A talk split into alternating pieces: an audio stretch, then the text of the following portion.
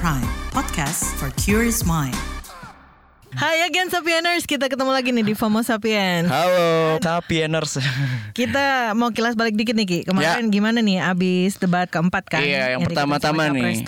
Tadi gue baru ngomong aja langsung ketularan belibetnya Pak Mahfud sama Caimin di debat terakhir ya kan. Ya kemarin ramai banget ya istilah-istilah baru ya kan, kayak greenflation. Eh, apa tuh inflasi hijau? Iya, terus ngasih definisinya tetap kurang tepat. Iya, terus habis itu istilah cringe or savage lagi dipertanyakan yang mana Nah. nih gitu. Tergantung di pilihan kalian masing-masing sama ini. Apa lagi tuh? Bioregion. Iya. Apa itu? Makanya Bioregion. itu yang Oh. ya kan yang ditanyakan Caimin ke salah satu cawapres Oh juga. iya ding ya ding. Tapi Iya. gara-gara debat kemarin itu kan jadi rame juga tuh. Ada yang memuji tapi juga ada yang mengkritik bahkan mengalami yang namanya second hand embarrassment. Apa itu?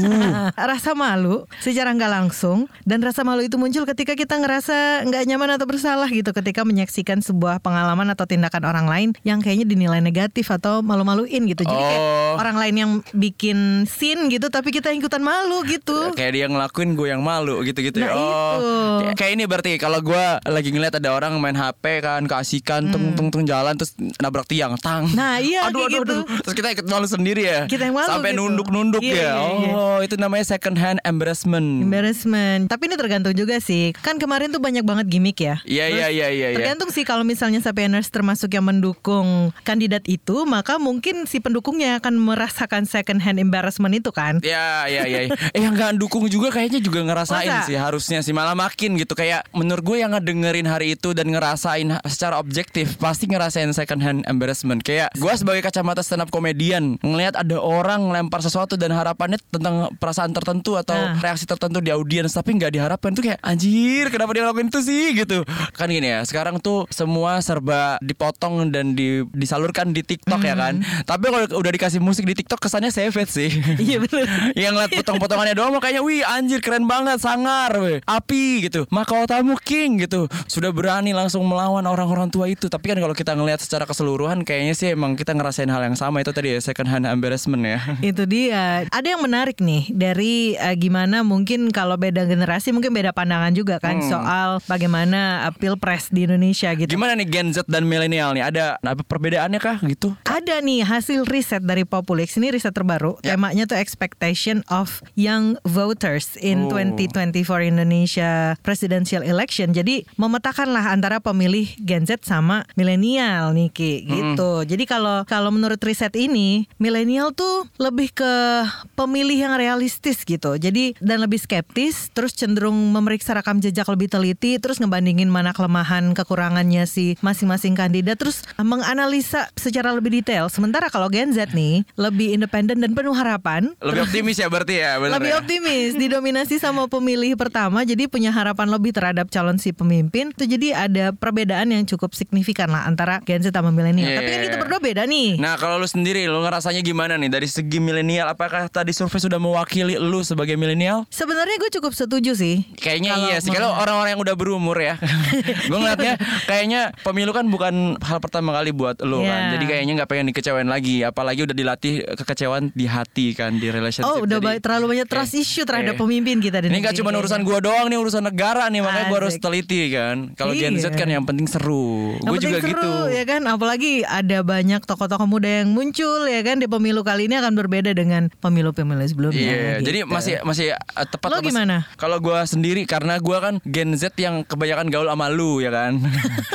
sama teman-teman milenial. Jadi gue tuh udah di tengah-tengah. Di sisi Ah. lain gua ngerasa ya, bisa lah ya optimis lah bla bla bla. Oh, gue juga suka sama hal-hal yang berhubungan dengan political entertaining. Tapi uh, jujur gue juga masih ada stance di mana ini ini tuh sesuatu yang serius loh gitu-gitu. Terus gue terpapar dengan banyak teman-teman yang lebih tua, lebih serius Ah. mikirnya. Jadi mau nggak mau akhirnya gue ngikutin untuk ngeliat rekam jejak. Mungkin gue adalah sebagian kecil dari Gen Z lah ya, yang yang coba peduli. Oke, kalau gitu Ya. eh, nanti kita lanjut lagi. Kita masih akan ngobrolin lagi masih soal politik nih di FOMO Sapiens dari KBR Prime, jalan pintas yang nggak bakal bikin kamu ketinggalan berita atau peristiwa di sekitar kamu. Saya Aika. Saya Eki Priagung. Hai. Oke. Nah ada lagi nih kak yang kemarin rame juga di jagat maya kita. Apa tuh? Ya jadi pekan ini rame menjadi perbincangan mengenai Kemenhan yang nggak sengaja tuh posting-posting sesuatu di X gitu habis itu nggak lama dihapus tau nggak? Oh ini alasannya jadi- kepencet. Eh, kepencet ya. Jadi dia lagi terkait pembangunan mes nih atau tempat tinggal Ah. eh, pangkalan TNI AU ya kan. Terus habis itu nggak nggak sengaja tuh yang tadi gitu terus klarifikasi tidak sengaja karena adanya auto text dari admin Kemenhan. Adanya auto text, auto textnya langsung dukung ya. Ap- Apalagi dia ngeposting tentang pembangunan TNI AU di itu pangkalan TNI AU Raden Sarjana Tuna Kepulauan Riau kan berarti kan kalau dari segi, segi tempat juga nggak berhubungan tuh sama hashtagnya iya. ya nggak sih. Oh iya, benar. Tapi kok bisa-bisanya tagarnya Prabowo Gibran. Iya. Iya. Bisa aja Pak Menhan auto text lah ya udahlah. Kita kan sangat-sangat menjadi masyarakat yang penuh dengan uh, husnuzon, berprasangka oh, iya. baik. Hmm. Iya, nggak boleh Iyalah. suzon meskipun kenyataannya memang udah depan mata ya. Iya. Apalagi kemarin tuh Ki pas yang rame-rame pernyataan Iya. presiden bikin heboh tuh. Di tanggal uh, 24 Januari kemarin itu hari Hmm. Rabu uh, Presiden Jokowi bilang kan di wawancara menyebutkan seorang presiden tidak dilarang untuk memihak dan berkampanye selama pemilihan presiden. Gila dia bilang terang-terangan. Eh memang memang bener ada di undang-undangnya sih tentang hal itu, tapi kita cross check baik-baik apakah betul yang dikatakan presiden 100% absolut benar merujuk pasal 299 Undang-Undang Nomor 7 Tahun 2017 tentang pemilihan umum UU Pemilu terdapat sejumlah pejabat negara yang diperbolehkan melaksanakan kampanye yaitu presiden dan wakil presiden, Oke. pejabat negara lainnya yang berstatus sebagai anggota partai politik, pejabat negara lainnya yang bukan berstatus sebagai anggota parpol dapat melakukan kampanye dengan ketentuan di antaranya. Tuh, ada ketentuannya nih. Ada. Di antaranya apabila bersangkutan sebagai capres atau cawapres dan anggota tim kampanye telah melakukan eh, atau pelaksana kampanye telah didaftarkan ke Komisi Pemilihan Umum. Undang-Undang UU Nomor 7 Tahun 2017 tentang Pemilu mengatur daftar pejabat negara yang tidak dilibatkan sebagai pelaksana tim kampanye pemilu pejabat-pejabat negara yang dilarang terlibat sebagai Banyak ya. banyak banget. Tapi yang sepengetahuan gue pokoknya boleh asalkan cuti dulu gitu ya sih? Pasti Eh, Tapi ada. kemarin kan nggak disebutkan ngebela siapa. Iya nggak disebut kan kita tahu di situ ada siapa aja lah ya. Jadi kita mungkin pilihan politik orang kan bisa jadi mungkin beda-beda nggak sesuai dengan ekspektasi kita gitu Oh, kan. iya, jadi jangan benar-benar. berprasangka yang enggak enggak nggak mungkin lah di- dia dengan gamblang dukung keluarga. Nggak tahu lah ya. Hmm. Tapi gara-gara pernyataan itu kan heboh lah kan. Iya. Nah, Pro kontra muncul nih. Nah, sempet dibenerin gitulah sama eh, kantor staf kepresidenan KSP yang bilang gini nih, kalau Presiden Jokowi tuh banyak disalahartikan gitu. Jadi menurutnya tuh konteksnya Presiden Jokowi kemarin ngomong pernyataan itu adalah penjelasan soal aturan main dalam berdemokrasi gitu deh bagi menteri ataupun presiden kayak gitu. Hmm, iya. Tapi kan udah kadung rame ini. kadung udah rame ini, dan kan pertanyaannya banyak. apakah mungkin gitu eh, seorang pejabat kita gitu berkampanye tanpa menggunakan fasilitas negara ke dengan konteks-konteks dia sekarang masih menjabat dan lain-lain gitu makanya Nah, kan ada di dalam pasal berapa tuh pasal 281 kan ceritanya. Hmm. Boleh sih gitu si pejabat negara ini berkampanye atau memihak, tapi kan harus itu tadi kesepakatannya nggak pakai fasilitas negara, terus yang dua ngambil cuti. Nah, masalahnya apakah presiden kita mau cuti? sedang cuti kan tidak ya sepertinya ya Nah, sedang cuti Iya. tidak. eh kalau Terus- semua presiden kayak gitu cuti tuh ngasih ngasih surat cutinya ke HRD-nya siapa ya Iya. terus habis itu dia ke juga pasti kan dalam penggunaan fasilitas negara gitu Nah, siapa yang bisa menjamin kalau dia nggak pakai fasilitas negara coba? iya ya kan Iya. misalnya nih gini, misalnya dia uh, bos gue nih nyalek ya kan Ya. terus gue disuruh nih misalnya gue katakan gue menterinya presiden gitu nah konteksnya presiden nyuruh gue nih dia sebagai presiden atau dia sebagai pendukungnya siapa gitu Ya kan bias, banget, kan Eh, bias banget, bias banget, tidak jelas. Nah. ya mungkin kan kita nggak tahu. Dia tidak menyebutkan namanya kak, itu aja patokan kita. Bisa jadi mungkin mendukung Anies, bisa jadi mendukung Mas Ganjar, atau bisa mendukung yang ada anak kita nggak tahu. Ya Oh, kan? iya, jadi iya. ya, ya udahlah itu kan statement yang sudah diluruskan sama staffnya ya, sudah diluruskan sama staffnya. Jadi ya udahlah ya. Ada di pengamat politik Universitas Al Azhar Indonesia, U- Ah. Ujang Kamarudin, presiden dan menteri boleh berkampanye karena memang aturannya membolehkan. Oke. ya, tapi kan tadi ada syarat-syarat tertentu ya. Hmm. Meski demikian kan tadi tadi itu cuti tidak menggunakan fasilitas negara kan nggak jelas. Lu, lu sedih gak sih? Maksud gue baru minggu lalu kita ngebahas kinerjanya DPR anjlok nih kan. Wakil kita di DPR di Senayan sana tuh lagi sibuk nyalek. Aduh. Nah, sementara pekan ini pemerintahan kita kayak menterinya ah ada staff berapa delapan kalau nggak salah KSP yang mau mundur karena mau nyalek kan. Terus kayak pejabat kita juga tuh lagi sibuk mengurusi per dunia percalekan gitu. Dan presiden kita udah mulai ngomongin soal keberpihakannya juga. Jadi sebenarnya posisi kita nih di mana sih Ki sebagai pemilih coba? Iya tiap ta- tiap minggu tuh selalu ada hal-hal mengecewakan karena pilpres ini sama pemilu-pemilu lainnya gitu. Kita kayak aduh negara makin itu lagi merancang cerita. Kalau series tuh kayaknya eh, ceritanya udah jelek banget dah. udah banyak udah kalau kalau ini pacar kita kayak udah toksik banget gitu loh. Udah banyak banget cerita-cerita yang bikin kita kecewa kemarin DPR anjlok lah terus sekarang ya Pak kita juga sama-sama tahu Anda ngomong apa itu tapi kita ya udahlah kita kita husnuzon ya. Oh iya benar. Ya udah itu Bapak juga pengen bersuara ya udah tapi suaranya bikin kita risau gitu. Nah, itu. Harusnya kan kita harapkan kita ngelihat Bapak tuh sebagai harapan untuk tetap di tengah netral gitu-gitu. Wah, nggak peduli walaupun ada di situ mungkin hubungan tertentu yang disangkutkan sama darah tapi dia tetap netral tapi makin ke sini ya udahlah ya. Hmm. Ini ada ada pernyataan yang menarik nih dari Direktur Eksekutif Institute for Democracy and Strategic Affairs. Ya. Ahmad Khairul Umam yang bilang gini nih, komitmen dan etika kekuasaan pribadi presiden itu dibutuhkan banget dalam situasi kayak gini karena netralitas presiden itu akan menjamin hadirnya proses demokrasi yang adil, terbuka, legitimate dan akuntabel. Jadi netralitas presiden ini kan juga menekan potensi penyalahgunaan kekuasaan negara yang bisa menguntungkan atau merugikan kontestan tertentu gitu. Jadi presiden ditempatkan sebagai bagian dari warga negara yang punya hak politik dalam proses demokrasi karena itu dukungan presiden untuk calon tertentu yang diperbolehkan oleh Undang-Undang Nomor 7 Tahun 2017 tentang Pemilu itu tuh wilayah domain privat gitu, bukan sebagai pejabat negara. Oh, berarti dia harus jadi orang rakyat biasa lagi gitu. Sebagai tukang kayu baru Oh, boleh. oke. Bukan sebagai jabatan-jabatan tertentu dong jelasnya gitu. Gitu. Tapi nggak tahu ya, Kak gue kayak ngerasa mungkin kalau gue punya anak dan gue punya jabatan tertentu, gue pasti bakal bilang dulu ke anak gue. Nah, ntar dulu ya, kalau sebelum kamu pengen jadi wakil direktur, kamu coba deh nyemplung dulu jadi karyawan biar ngerti prosesnya bla bla bla. Iya. Pernah ngomong gitu gak sih, Pak?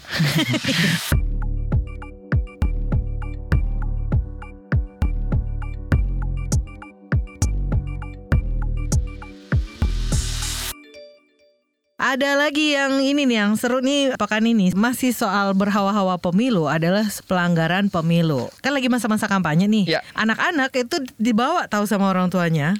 Wah, anak-anak ikut berkampanye. Tapi jangan heran juga sih, karena kan sekarang banyak banget baliho-baliho caleg maupun pilpres yang mukanya dilucu-lucuin kayak anak-anak. Jadi, mama aku boleh ikut pemilu gak sih? Kayaknya muka-mukaku banyak nih yang Kok lucu-lucu Iya gitu ya? lucu-lucu itu anak-anak kenapa pada ditaruh di baliho gitu? Oh makanya iya. mereka ikut lah. Oh iya benar. Iya. Iya juga baru. Dibikin unyu-unyu semuanya loh, semuanya dari Iya. semua paslon bahkan caleg-caleg pun dibikin muka-muka AI Disney gitu.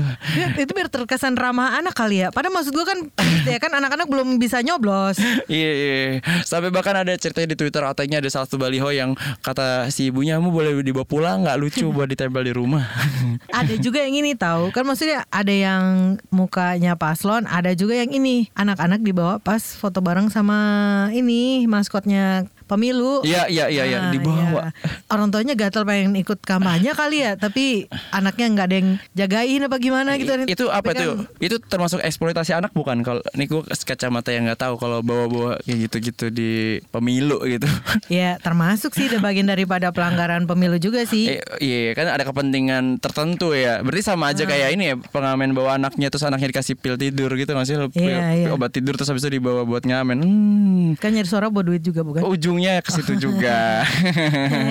Jadi sama-sama menggunakan anak untuk kepentingan pribadinya. Nah itu gimana tuh? Ada Loh, nggak? bukannya itu juga yang menggunakan anak? iya. yang sebelumnya. Yang sebelumnya, bener. Aduh, Aduh. kembali ke Boruto. Aduh. Emang terus gimana nih tanggapan dari KPAI-nya sendiri gimana tuh kak? Eh jadi ada larangan memang melibatkan anak-anak di kampanye. Jadi sejauh ini KPAI itu kan udah menemukan paling nggak tuh ada 19 kasus eksploitasi anak Wow. itu. Jadi yang paling banyak adalah ngebawa anak-anak itu ke kerumunan arena kampanye. Gue gue nggak tahu sih anak yang bertumbuh kembang secara dini langsung mendengarkan visi misi yang bu- yang mungkin agak omong kosong ke depannya itu akan tumbuh sebagai orang yang seperti apa ya? Karena apa ya? Maksudnya kan mungkin di si- situasi yang dalam crowd gitu panas, habis itu anak kecil juga kan mungkin belum tentu nyaman gitu-gitu kan terus habis itu ya Allah iya kenapa ya kenapa harus bawa anak ya Nah itu Hmm. mungkin maksudnya memberikan pendidikan politik sejak dini. nah, kalau pendidikan politik sejak dini seharusnya pas lagi nonton Kokomelon tiba-tiba ada kampanye 01 02 03 mungkin mungkin dari situ Iya iya bisa bisa masuk juga Iya. sih. Oh mungkin AI, AI kartun juga itu adalah pendidikan politik sejak dini. Ya, bahwa mungkin maksudnya tokoh politik tuh bisa terlihat ramah anak Ah gitu. gitu. iya. Walaupun nggak tahu apakah ramah juga kebijakannya nanti ketika Wah, terpilih ya kan. iya. Lebih jauh lagi nih, ada juga nih temuan dari ini nih Ki, dari Polri Mm. soal ini pelanggaran pemilu secara keseluruhan ya. Per 10 Januari itu ada paling nggak 17 perkara dugaan tindak pidana pemilu. Terbanyak itu ada pidana pemalsuan 7 perkara politik uang disusul sama kampanye melibatkan pihak yang dilarang. Lainnya tindakan kampanye di tempat ibadah, pendidikan, terus pihak yang dilarang sebagai tim kampanye juga perusakan alat peraga kampanye. Hmm, tapi tapi sebenarnya ada tanda itu bintangnya sih di undang-undang ini. Asalkan Apa tidak ketahuan. Asalkan Kalau baliho ketahuan. yang nyampe itu kayaknya tiap hari kita lihat tuh Iya. agak susah ya. Karena kayaknya masa sih teman-teman kan dari tadi aja kita ngeliat di jalan gitu-gitu terus dekat rumah tempat ibadah kayaknya banyak banget tuh tadi gue lewat-lewat kemarin juga masih heboh banget di sosial media orang-orang yang dapat ya, serangan fajar gitu. Oh iya benar. Ya. Jadi sebenarnya eh, yang namanya pelanggaran pemilu tuh kan nggak mesti nunggu dari, maksudnya ditindak langsung sama Bawaslu. Tapi ternyata kita tuh warga bisa inisiatif juga buat ini ngelaporin gitu Ki. Gimana tuh caranya? Ada chatbot atau platform aduan pelanggaran pemilu yang dibikin sama teman-teman dari Transparansi International Indonesia (TII). Mereka bikin platform namanya kamu bersih aku pilih.id. Wih keren juga tuh. Jadi Nah. gua nih yang nggak ngerti, terus gua kalau dapat eh, masalah-masalah tentang pelanggaran pemilu, gua laporin ke mana? Gue bisa ke situ. Bisa.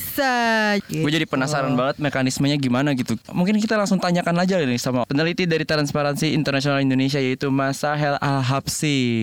TII bikin platform aduan Ya. pelanggaran pemilu. Kamu bersih aku pilih.id nih. Gimana ceritanya dulu nih ketika akhirnya kok dibuatlah si platform ini gitu? Kita di masyarakat sipil itu menyaksikan sebenarnya dari awal proses pemilu 2022 ya itu sebenarnya ada banyak banget kejanggalan-kejanggalan gitu ya. Kok semakin mendekati hari pemungutan suara kejanggalan itu semakin nyata semakin terlihat by design gitu ya dan semakin mengkhawatirkan lah intinya gitu. Berangkat dari realitas itu kita merasa perlu melakukan inisiatif untuk ikut mengawal integritas pemilu 2024 kan pilihannya cuma ada dua ya. Apakah kita akan menerima pemilu yang rusak tidak kredibel atau kita berusaha fight mempertahankan supaya pemilu kita tetap sesuai mandat konstitusi langsung umum bebas rahasia jujur dan adil. Nah kita memilih yang kedua. Jadi lahirlah eh, chatbot kau bersih aku pilih itu prinsipnya sebenarnya untuk memudahkan pelapor ya. Jadi dia berbasis WhatsApp seperti kalau KIK atau KIK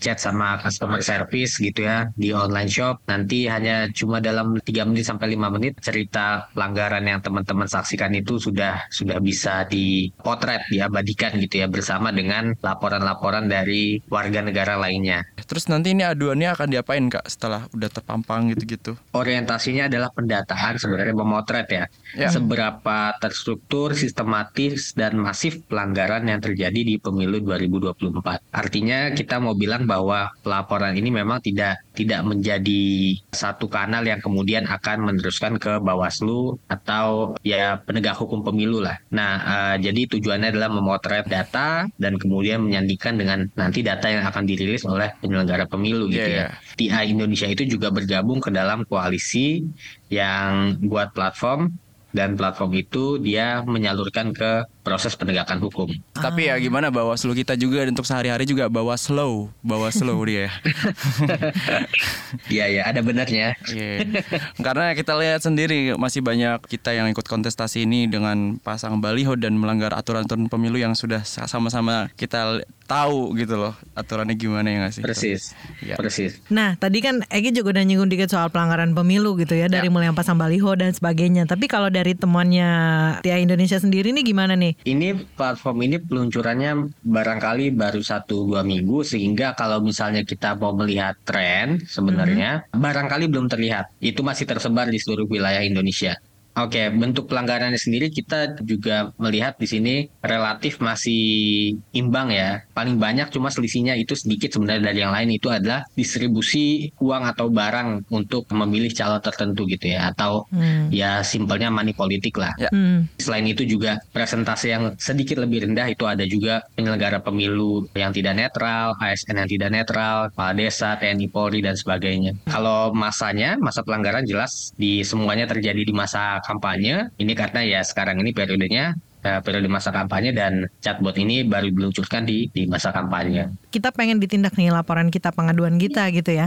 Tapi kalau kita berkaca dengan kondisi yang sekarang nih seberapa ampuh sebenarnya kemudian laporan dari masyarakat ini bakal ditindak gitu. Jawaban pastinya mungkin cuma penyelenggara pemilu yang yang bisa uh, menyampaikan ya. Cuma kurang lebih kita melihatnya gini, semakin laporan-laporan itu aktif datang dari masyarakat, itu kemungkinan penindak uh, lanjutannya itu semakin besar. Jadi kalau kita tahu belakangan ini sebenarnya di sebenarnya di instansi penegakan hukum lain gitu ya ada uh, ungkapan uh, no viral no justice. Artinya setelah viral baru ditindaklanjuti. Nah, sebenarnya kita juga membutuhkan itu dalam konteks pelanggaran pemilu. Setiap pelanggaran itu yang kita temukan harus kita potret, harus kita viralkan. Nah, itu sekarang ini menjadi pecut yang paling efektif untuk menggerakkan penegak hukum pemilu sebenarnya. Sama kayak yang lain ya, kita nunggu berarti gimana teman-teman dari TI ini bisa ngebawa si kamu bisa siku pilih.id ini pelaporan-pelaporannya jadi terekspos dengan besar gitu Iya. sehingga akhirnya si ada orang-orang yang atau koalisi tertentu yang bareng sama teman-teman untuk eh, dilanjutkan jadi pelaporan ya, jadi jadi penindakan hukum Iya, gitu iya. ya. Masa iya apa-apa nunggu kita dulu Iya. ngelaporin gitu kan. Masyarakat turun dulu ya kan. Udah capek mikirin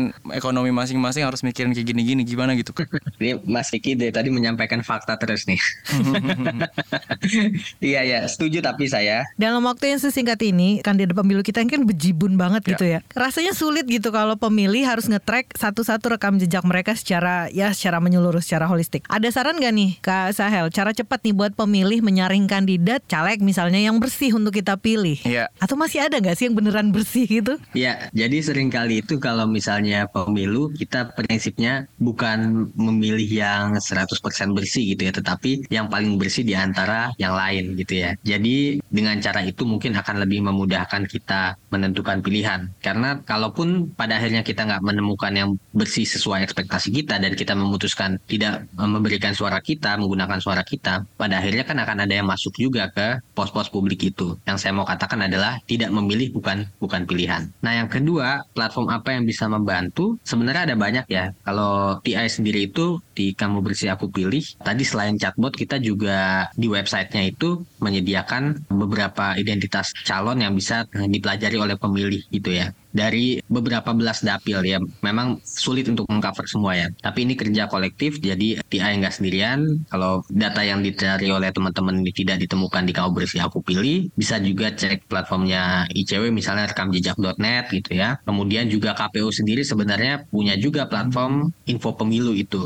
Nah di mana teman-teman bisa melihat nama-nama caleg di dapil teman-teman gitu ya walaupun tidak semua caleg bersedia membuka CV-nya tetapi ada beberapa caleg yang di sana bersedia membuka CV-nya. Nah, terbatas memang informasinya. Nah, barangkali itu bisa sedikit membantu usaha kita mencari caleg-caleg yang mungkin bisa kita percaya mewakili kita di DPR atau DPRD gitu ya. Hmm. Tentu media tracking juga menjadi penting untuk dilakukan. Ketika kita menemukan satu nama yang menurut kita menarik gitu ya, kita eh, boleh juga meluangkan waktu untuk melakukan tracking eh, media secara mandiri. Ya, ketik namanya di Google, lihat berita apa yang muncul di sana gitu ya. Karena kalau kita sekedar mengandalkan iklan di media sosial katakanlah atau iklan di TV atau baliho-baliho di jalanan itu nyaris nggak ada visi misinya sama sekali nyaris nggak ada yang bisa kita dapat dari sana gitu ya itu kan eh, kebanyakan cuma gimmick gitu ya memang harus harus ada effort mengkonversi suara kita hak pilih kita menjadi wakil yang kualitasnya lebih baik di DPR dan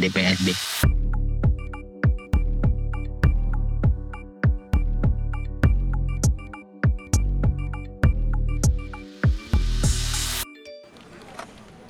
Lu nyari apa sih? Sibuk amat dari tadi. Duit gue nih hilang, padahal udah dimasukin dompet. Ada tuyul kali ya? Hus, jangan asal lo ya. Eh, bukannya tadi lo jajan kopi, ikut PO seblak, sama nitip gorengan ya? Hah? Masa? Kok bisa nggak sadar ya? Bocor alus tuh. Lu kudu disiplin keuangan makanya. Dengerin deh Uang Bicara, podcast dari KBR Prime yang ngebahas soal ekonomi dan literasi keuangan. Cocok banget buat anak muda kayak kita. Sama nih kayak dengan self reward. Oke. Lo dengerin di mana? Di kbrprime.id.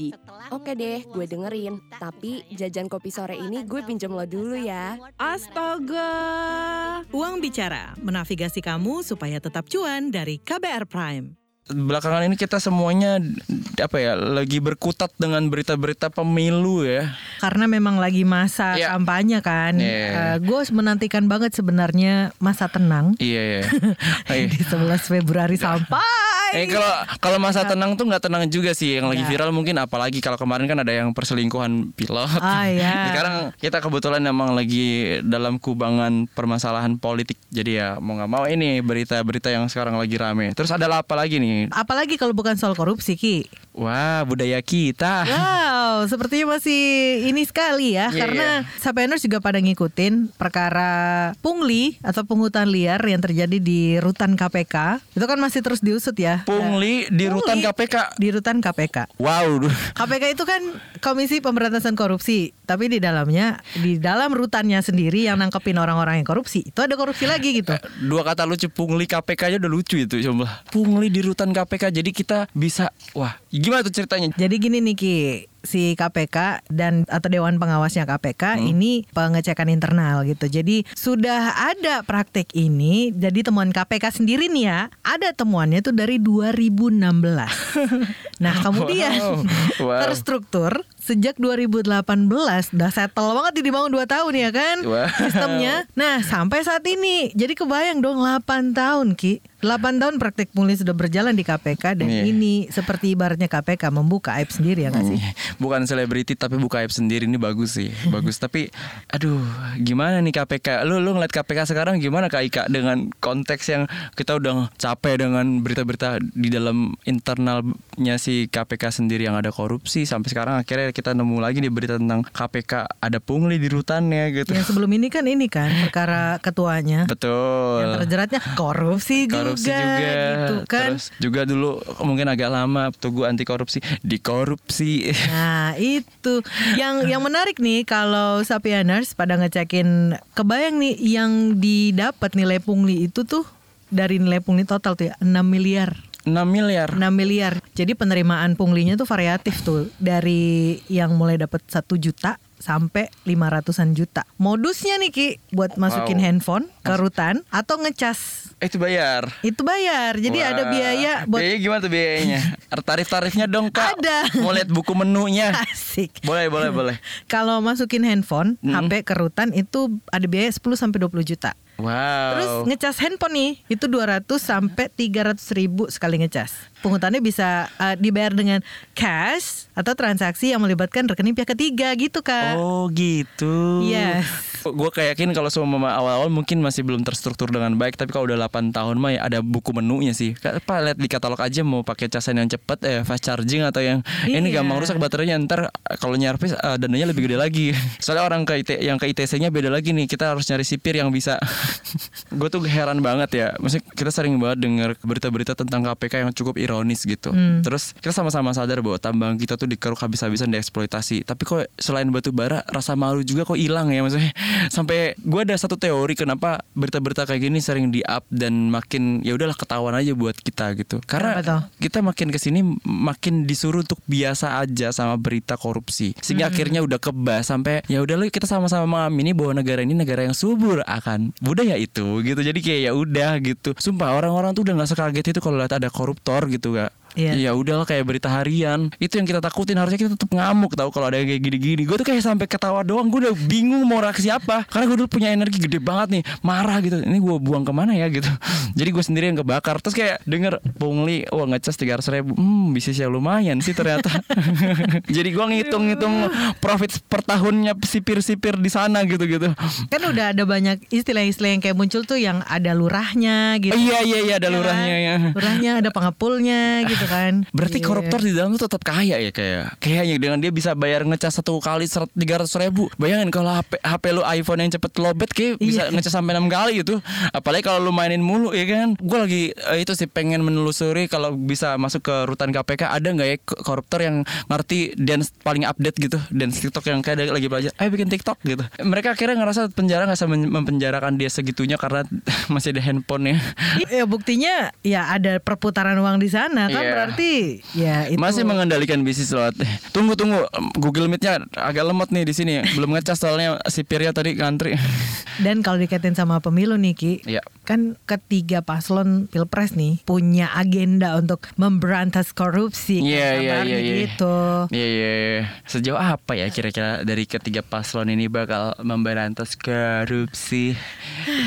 Yang kita tuh udah ngomongnya kayak ah, oke kayak gimana emang kalau bisa ngeliat ekspresi sih lo kalau orang lagi dengerin orang ngomong omong kosong gitu kita cuma nyanyi nyanyi Lagi gitu omon-omon. iya omon-omon Apakah perkara pemberantasan korupsi ini benar-benar akan diimani dan dilakukan gitu oleh Ya. benar-benar ditindak ya nanti sama para paslon ini? Kita lihat nih di data Gimana, gimana, dari gimana? CSIS nih berdasarkan hasil survei Center for Strategic and International Studies. Pada akhir Desember 2023, tingkat Hmm. kepercayaan publik terhadap Komisi Pemberantasan Korupsi terendah kedua di antara lembaga-lembaga negara. Tidak mengagetkan teman-teman sudah seharusnya memang dari surveinya memang itu adalah kenyataan yang terpaparkan di sini. Karena ternyata ini posisi lembaga anti korupsi ini berada di sedikit di atas DPR dengan angka 58,8. Jadi jadi ternyata DPR tuh di bawahnya pas an- itu apa namanya KPK. Ya lumayan lah lebih bagus daripada DPR tapi nggak lebih baik juga sih sebenarnya kalian. Tapi tetap buruk aja gitu. Iya, peneliti ECW bilang Kurnia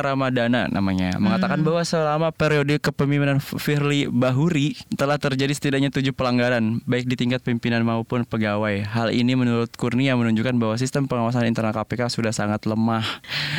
Oleh karena itu, ia menyarankan agar pimpinan KPK berfokus pada pembenahan internal yakni perbaikan tata kelola kelembagaan KPK serta merevisi UU KPK dan mengembalikan seperti semula agar KPK dapat bekerja secara independen. Nah ini karena Harapannya diintervensi. gitu. Nah karena coba kalian teman-teman lihat lagi paslon yang mungkin agak lumayan fokus tuh terhadap hal-hal yang berhubungan sama revisi UU KPK mungkin kita bisa jadikan komparasi ke paslon-paslon lain juga gitu untuk nunjukin mana nih yang kira-kira peduli untuk membuat KPK lebih independen nih sesuai dengan sarannya Mas Kurnia. Kayaknya masih ada lagi nih di punyanya TI juga nih dia juga indeks persepsi korupsi IPK Indonesia di 2022 juga merosot drastis tuh. Berada di peringkat ke 110 dari 180 negara. Dari 180 negara kita hampir di bawah-bawah banget Kak. Kita 110.